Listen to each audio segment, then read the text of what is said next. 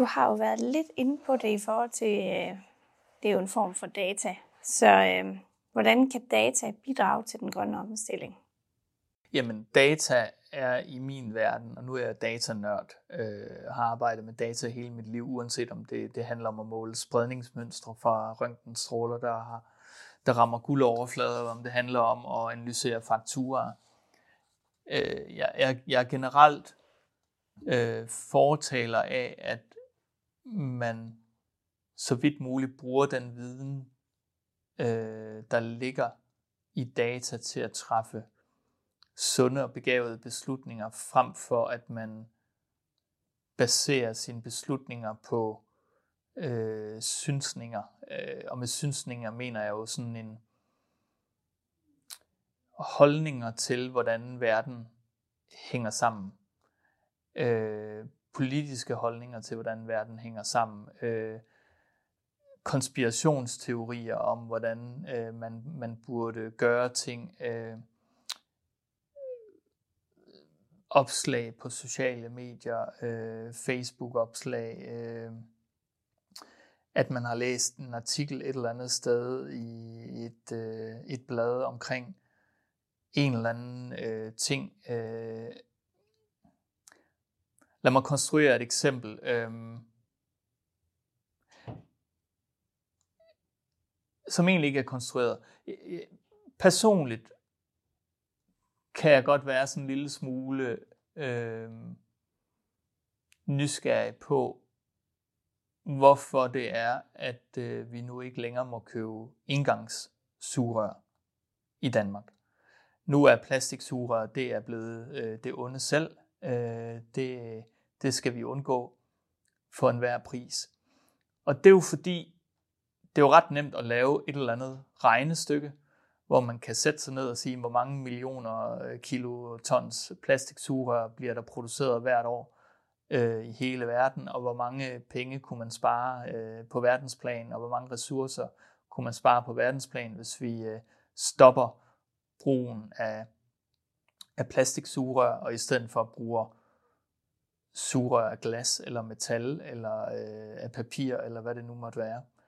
Øh, og så kommer der øh, også et billede, øh, selvfølgelig på et eller andet tidspunkt, af en, øh, en havskildpadde, som er, er død, og man har øh, sprættet den her havskildpadde op og har fundet alt fra plastiksugerør og plastikposer og alt muligt andet skidt i den her havskildpadde. Endnu et argument for, at øh, plastiksugerør er noget skidt. Øh, det er i min verden sådan et eksempel på, at øh, at man baserer nogle beslutninger på noget, nogle populistiske synsninger. Fordi hvis vi kigger på Danmark isoleret, så taler jeg ikke om, hvad der foregår i, øh, i, i andre lande, som ikke har et lige så veludviklet affaldssystem som i Danmark. Men der er jo ikke nogen havskildpadder, som øh, lider overlast på grund af vores forbrug af plastiksugerør i Danmark. Øh, jeg vil gætte på, at 99% af alle plastiksugerør i Danmark, de havner i øh, en affaldsbeholder, og så bliver de brændt af øh, på lige fod med alle mulige andre. Det kan være, at der er nogle få plastiksugerør, som havner i, øh, øh, i parker og idrætsanlæg rundt omkring. Øh, jeg tænker, at de fleste af dem bliver samlet ind igen.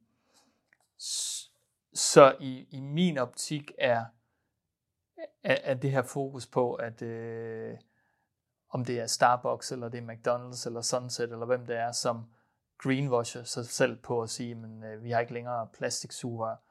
Det er et eksempel i min verden på, at data ikke taler, men at man gør et eller andet, hvor man følger en eller anden populistisk holdning til, hvordan man skal gøre det, og så scorer man nogle billige point på det. Øhm, og øhm, det, det, det betyder jo ikke, at, at plastik, øh, produktion af plastik ikke er øh, nødvendigvis et problem, fordi meget plastik bliver produceret ud fra fossile brændstoffer. Men hvis man i sit privatliv skulle gøre en forskel, så gør man ikke den forskel ved at øh, nu at vælge øh, Starbucks øh, frem for, øh, lad os sige, øh, Espresso House. De har sikkert ikke plastiksugerør, nogen af dem, Øh, hvis man skulle gøre en forskel, så skulle man i virkeligheden så sige, man har overhovedet brug for den her øh, to-go øh, ice latte. Altså meget, meget af den adfærd, vi bliver nødt til at ændre fremover, handler om, at vi skal, vi skal reducere vores forbrug af unødvendige ting. Og vi skal desværre også huske, når vi går ind i tiger, eller vi går ind i Søstrene Grene, eller i, øh, ikke fordi jeg har noget imod dem, øh, og øh, fylder kurven med, med alt muligt, som vi synes kunne være sjovt at have. Øh, så det det, der er det større problem, det er vores forbrugertrang, end det er, øh, om der er et plastiksuger i to-go-kaffen fra Starbucks. Og det er jo tilbage til, når, når det handler om, hvorfor jeg synes, data er så vigtige. Det er jo det samme, hvis vi kigger i, i Aarhus Kommune, så vil jeg jo gerne have Aarhus Kommune prioritere deres indsatser i forhold til at prøve at påvirke miljøet positivt, prøve at prioritere de indsatser, hvor de kan gøre den største forskel. Og der er de nødt til at kigge på data, fordi analysen af de her fakturdata kan gøre noget, som er ret banalt, som i virkeligheden handler om, hvor mange, hvor mange penge bruger vi på det her område. Hvor mange penge bruger vi på kontormøbler? Hvor mange penge bruger vi på IT-hardware? Hvor mange penge bruger vi på, på rengøring? Øh, og så kan man i, i hjælp af data identificere, hvor er der hotspots henne i forhold til, hvad vi bør gøre. Og så kan man sætte sig ned. Og den hellige gral, det er, er der nogle af de her områder, hvor vi i virkeligheden kunne sætte vores forbrug ned. Så i stedet for at det har mange øh, private virksomheder og offentlige myndigheder, de har sådan et princip om, at øh, hver tredje år eller hver fjerde år, så bliver alle computere udskiftet. Fordi det, det er det nemmeste, øh, og, og så sikrer man, at man har noget godt og velfungerende hardware. Øh, jeg kan godt forstå rationalet bag ved det, men det kan godt være, at man skulle begynde at sige, jamen, øh, måske skal de her computere først udskiftes, når de ikke længere løser den opgave, de skal løses. Enten at de du ved, ikke fungerer mere, at de går i stykker, at, at slutbrugeren spilder for meget tid på en, en langsom computer, eller der er et eller andet sikkerhedsmæssigt, som gør, at nu skal de skiftes, fordi ellers så øh, kan hackere komme ind, eller et eller andet. Men at man, man fjerner noget af den automatik, der har ligget i øh, alt fra indkøb af kontormøbler og øh, IT-udstyr og, og alle mulige andre ting, til at det bliver mere reelt behovsbestemt. Så nu har jeg faktisk det her bord, vi sidder ved til den her podcast, splinter nyt bord, øh, og det er sikkert fint nok. Jeg håber, at når nogen synes, at det her bord øh, ikke er pænt længere, og ikke matcher den designstil, vi måske har i 2029, øh, hvor, hvor det hele skal være gråt i stedet for det her sorte bord, at det her sorte bord så øh, kommer videre i sit liv et andet sted. Det kan være, at det bliver solgt til en børnehave, hvor det så bliver krægerbord med en voksstue henover.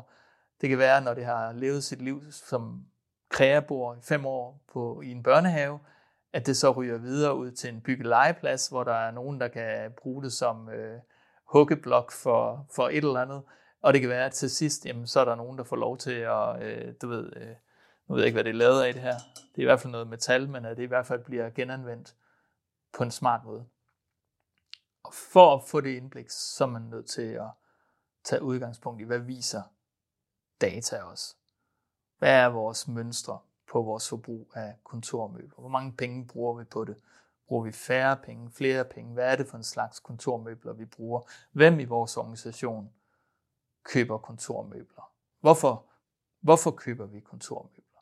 Og der er man nødt til at have et beredskab, hvor man kan svare på den her type spørgsmål, for at finde ud af, hvordan gør vi noget ved det.